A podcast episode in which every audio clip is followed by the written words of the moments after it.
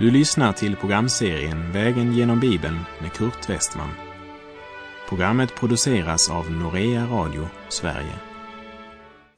Vi befinner oss nu i Uppenbarelseboken. Slå gärna upp din bibel och följ med. På vår vandring genom Uppenbarelseboken så har vi nu kommit till Kristi seger över Satan och till den slutliga domen. Vi såg i kapitel 19 hur Antikrist och den falske profeten kastades i eldsjön. Och här i kapitel 20 blir Satan bunden för tusen år. Tyvärr så har under de sista hundra åren många menat att kapitel 20 i Uppenbarelseboken, som talar om tusenårsriket, inte är så betydelsefullt eftersom tusenårsriket endast omnämns här i det här kapitlet. Men eftersom skriften har med detta vittnesbörd och det ingår i Bibelns avslutning så är det väl värt att ge akt på dess innehåll. I alla fall om vi bekänner oss tro på allt Guds ord. I konfrontationens och terrorismens tidsålder som är så full av kriser, maktkamper och konflikter så står ju budskapet här i Uppenbarelsebokens tjugonde kapitel som en total kontrast till det vi ser i vår värld idag.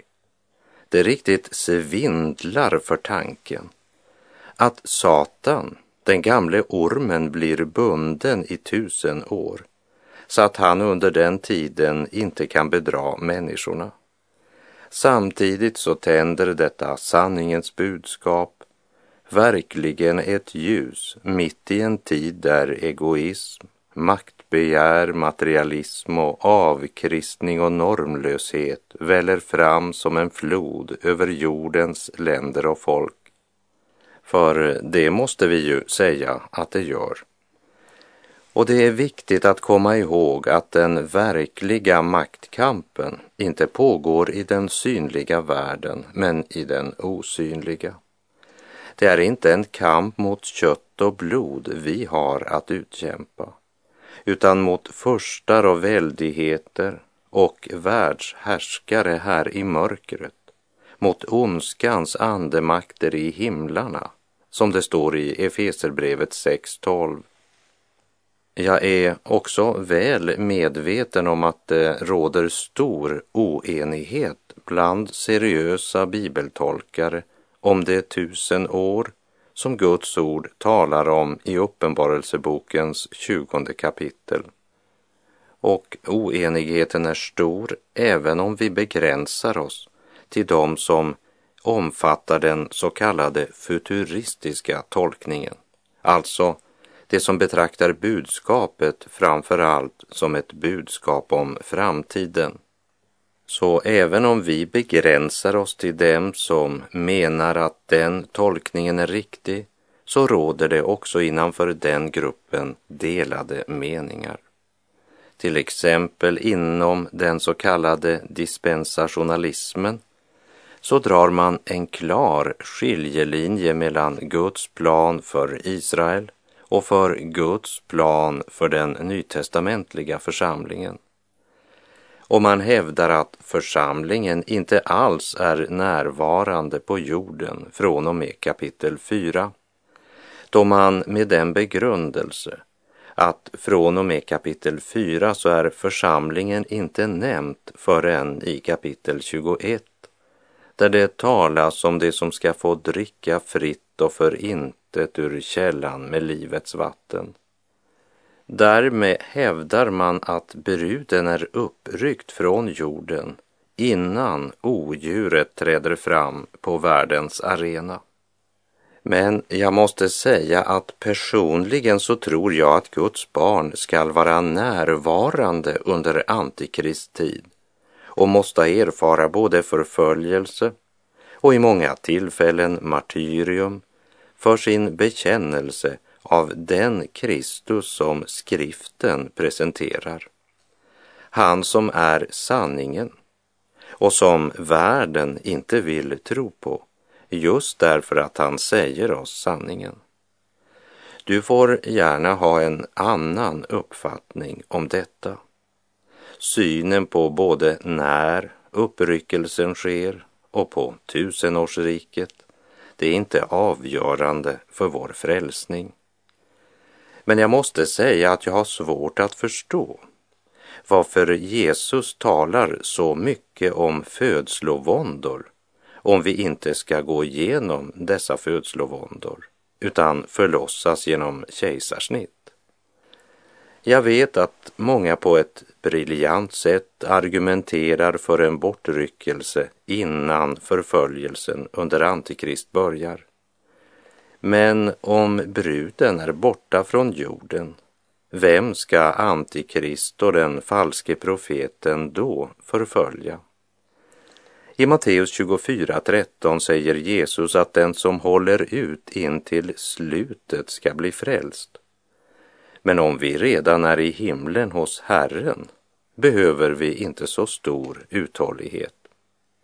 Många av de som hävdar att uppryckelsen sker innan svårigheterna under Antikrist börjar är ju gudfruktiga människor som är ärliga och som har stor kunskap.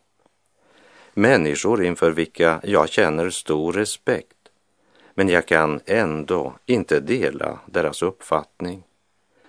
Ett av argumenten som används för att hävda bortryckelse innan förföljelsen under Antikrist, det är att församlingen, eller kyrkan, ofta omnämns i de tre första kapitlen, men inte i kapitlen 4 till och med 21. Och därmed menar man att förklaringen är att de troende inte längre är kvar på jorden.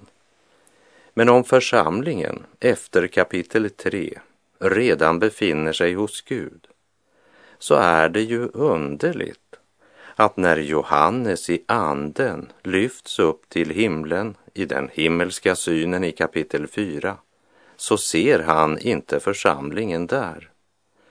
Men han ser en tron och någon som satt på denna tron samt 24 äldste samt fyra väsen som prisar Gud dag och natt utan uppehåll. Men jag ska inte använda så mycket tid på detta.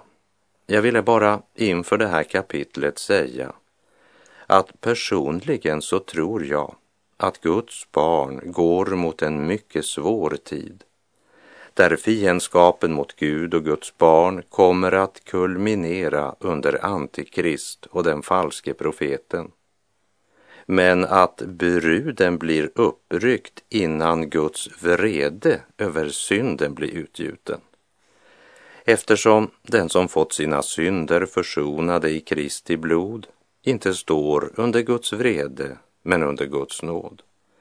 Och här vill jag citera Jesaja 53.5 som proklamerar Han var genomborrad för våra överträdelsers skull slagen för våra missgärningars skull.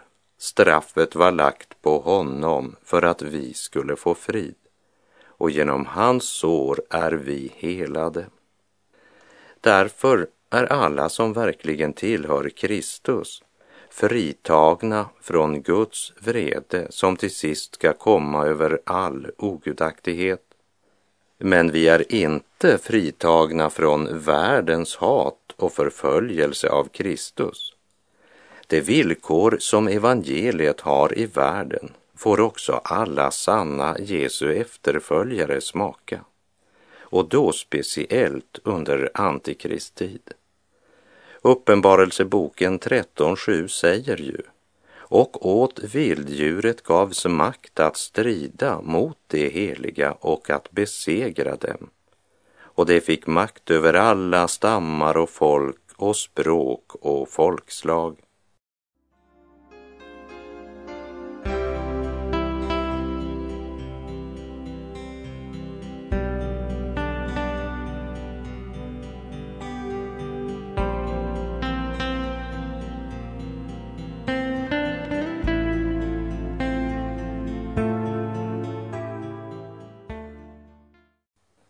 Vi läser Uppenbarelseboken kapitel 20, vers 1 och 2.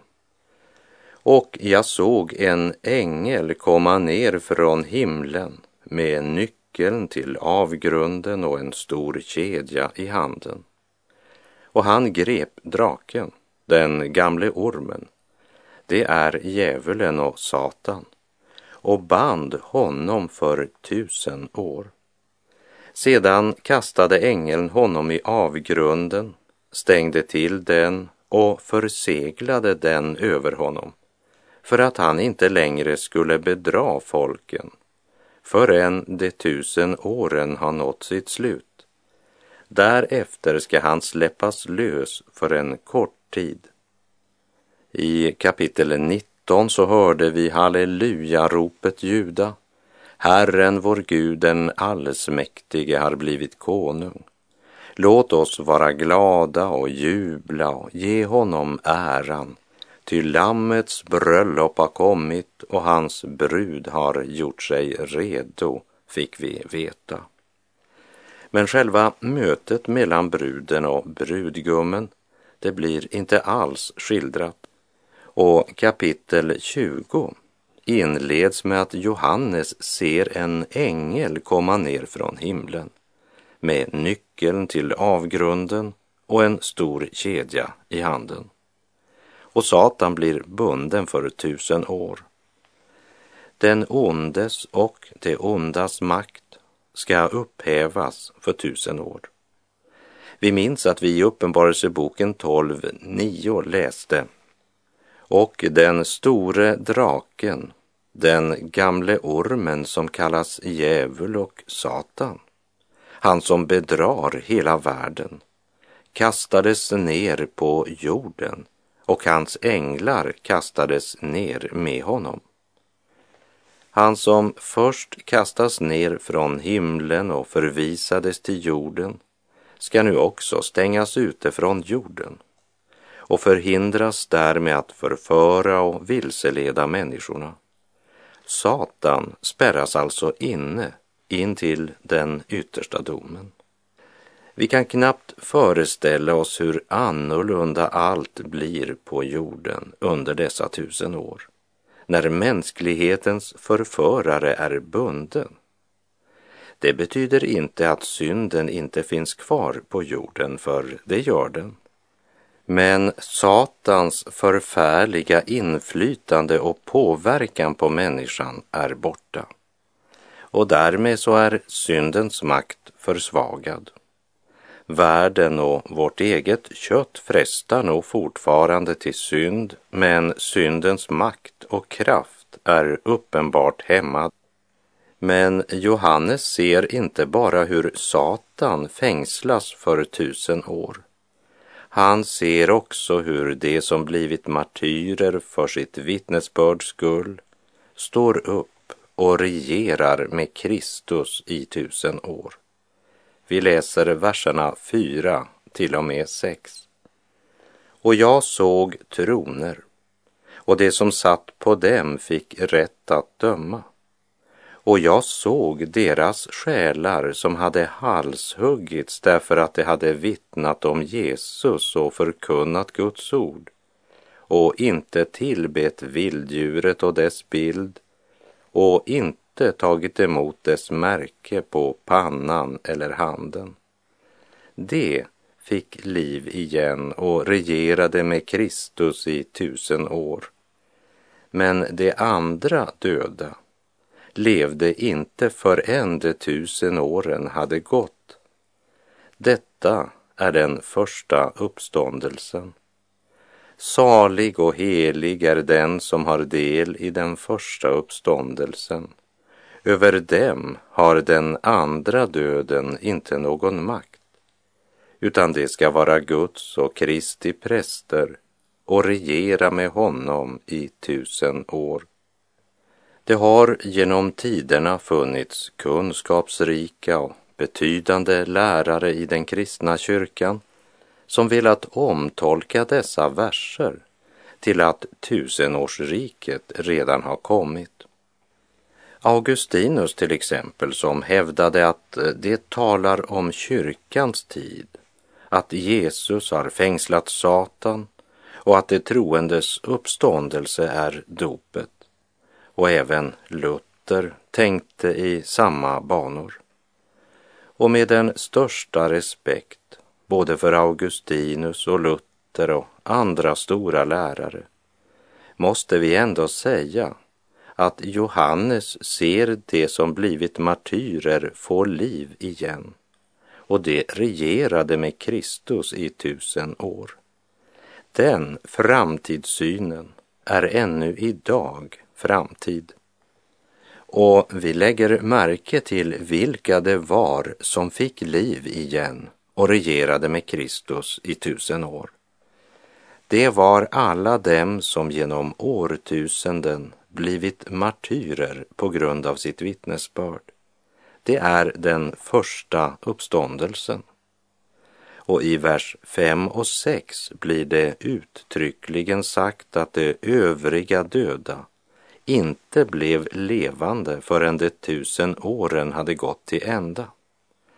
Sedan i vers 12 till och med 14 talas om den allmänna uppståndelsen av både rättfärdiga och orättfärdiga. Men innan den allmänna uppståndelsen skall alltså den första uppståndelsen äga rum och den första uppståndelsen gäller det som har gett sitt liv för vittnesbördet om Jesus. Det har förkunnat Guds ord och inte tillbett vilddjuret och inte tagit emot dess märke på pannan. Det handlar om sådana Jesu lärjungar som lidit mer än andra, som genomlidit antikrist och världens förföljelse, förakt, hån och bespottelse. Och till sist blev de tvungna att välja mellan döden eller att tillbe antikrist och de valde döden framför att förneka Kristus. Det övervann Antikrist, men det kostade dem livet. Det övervann honom genom Lammets blod och genom sitt vittnesbörds ord. Det älskade inte sitt liv så högt att det drog sig undan döden. Därför står det också i en särställning när Gud binder Satan för tusen år.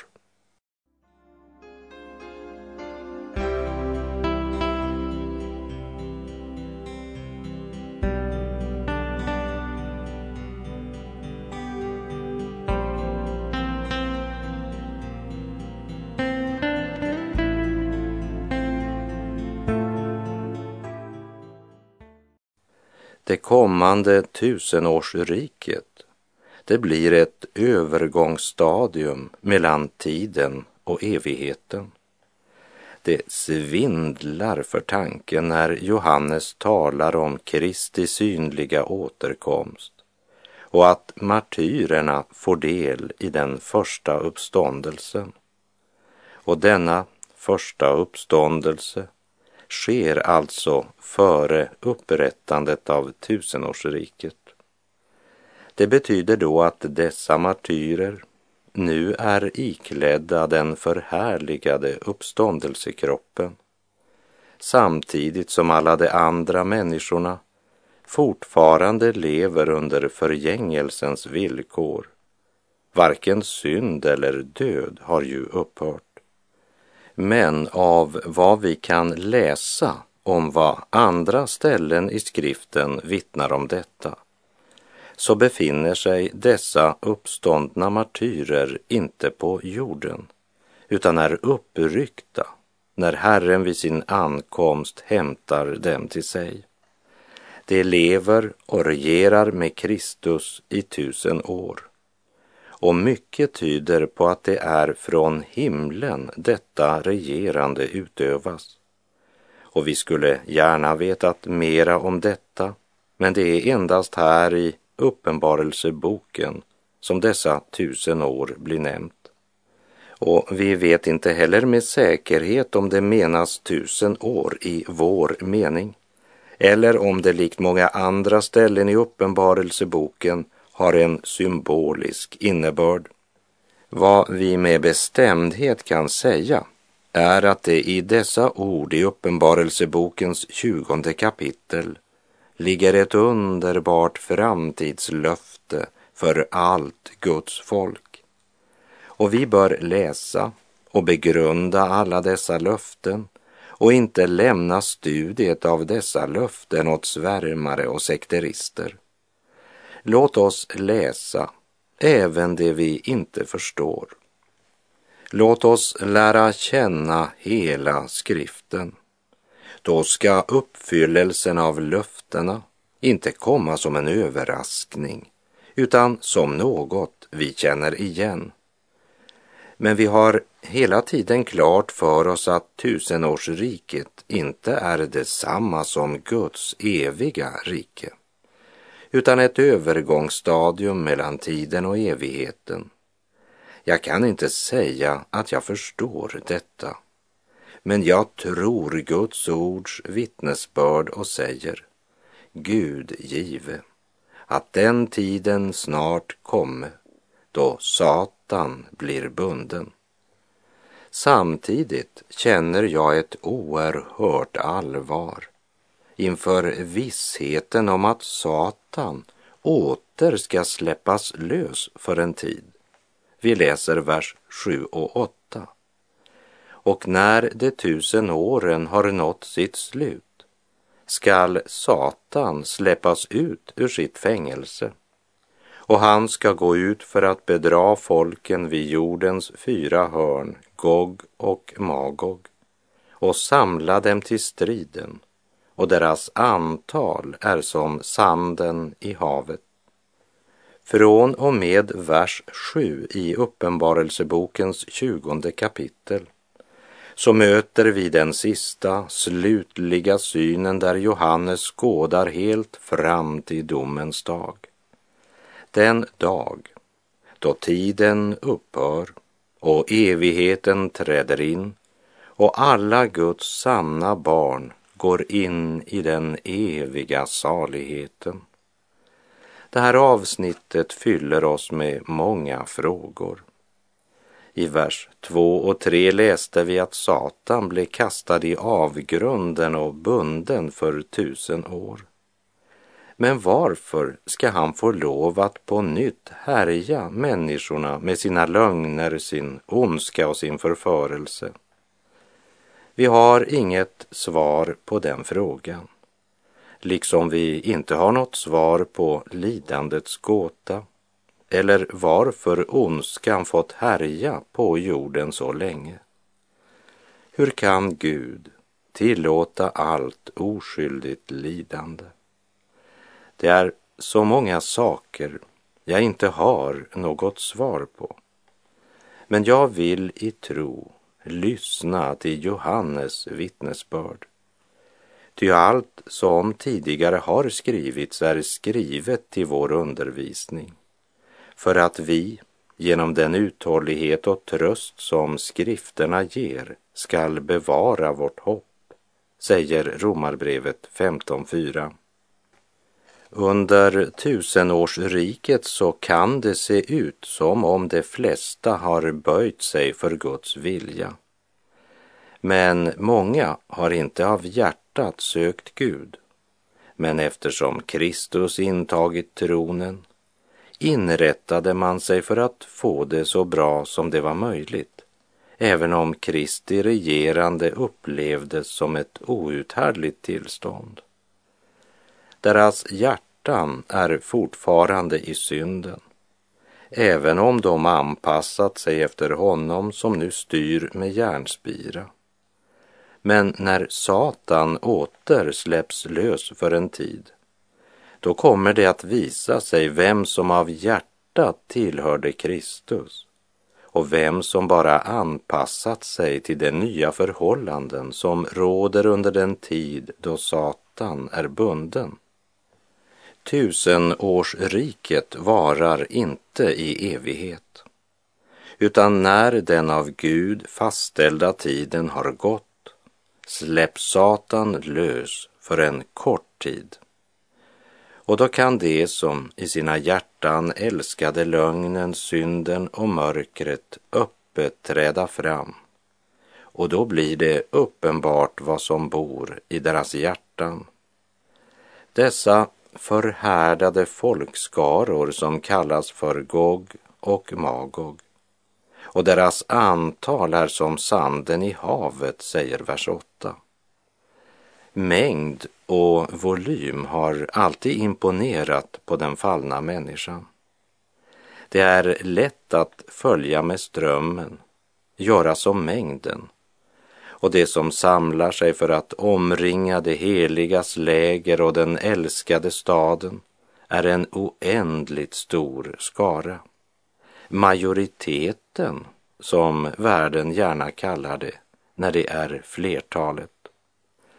För man är helt främmande för den sanningen att den som vandrar med Gud alltid är i majoritet även om man skulle verka aldrig så ensam i den här världen. När det talas om det heligas läger och om den älskade staden så riktas våra tankar mot den sista versen i den 135 saltarsalmen där det står Välsignad vare Herren från Sion han som bor i Jerusalem, halleluja. Och i Saltaren 122, vers 6, så sjunger David Önska Jerusalem frid. Låt det gå dem väl som älskar dig. Och så är frågan, var står du när det gäller Jerusalem? Staden som är centrum i det land som Gud gav Abraham och hans efterkommande till en evig arvedel. Första Mosebok 13, 15 säger Ty hela det land som du nu ser ska jag ge åt dig och din säd för evig tid. Jerusalem, häv upp din röst, o dotter Sion, fatta tröst. Din konung kommer och hans hand ska råda över alla land. Och med det så är vår tid ute för den här gången. Herren vare med dig. Må Israels Gud vara din Gud och må hans välsignelse vila över dig. Gud är god. Norea Radio Sverige understödjer radiomission på farsispråket. Här följer ett lyssnarbrev. Jag har lyssnat till ditt program en tid och jag gillar det. I denna mörka värld är det bara Herren som kan ge oss den frid och den glädje vi behöver. Genom att lyssna till dessa program har jag fått frid i mitt hjärta. Jesus har förlåtit mina synder. Jag hoppas verkligen att programmen fortsätter.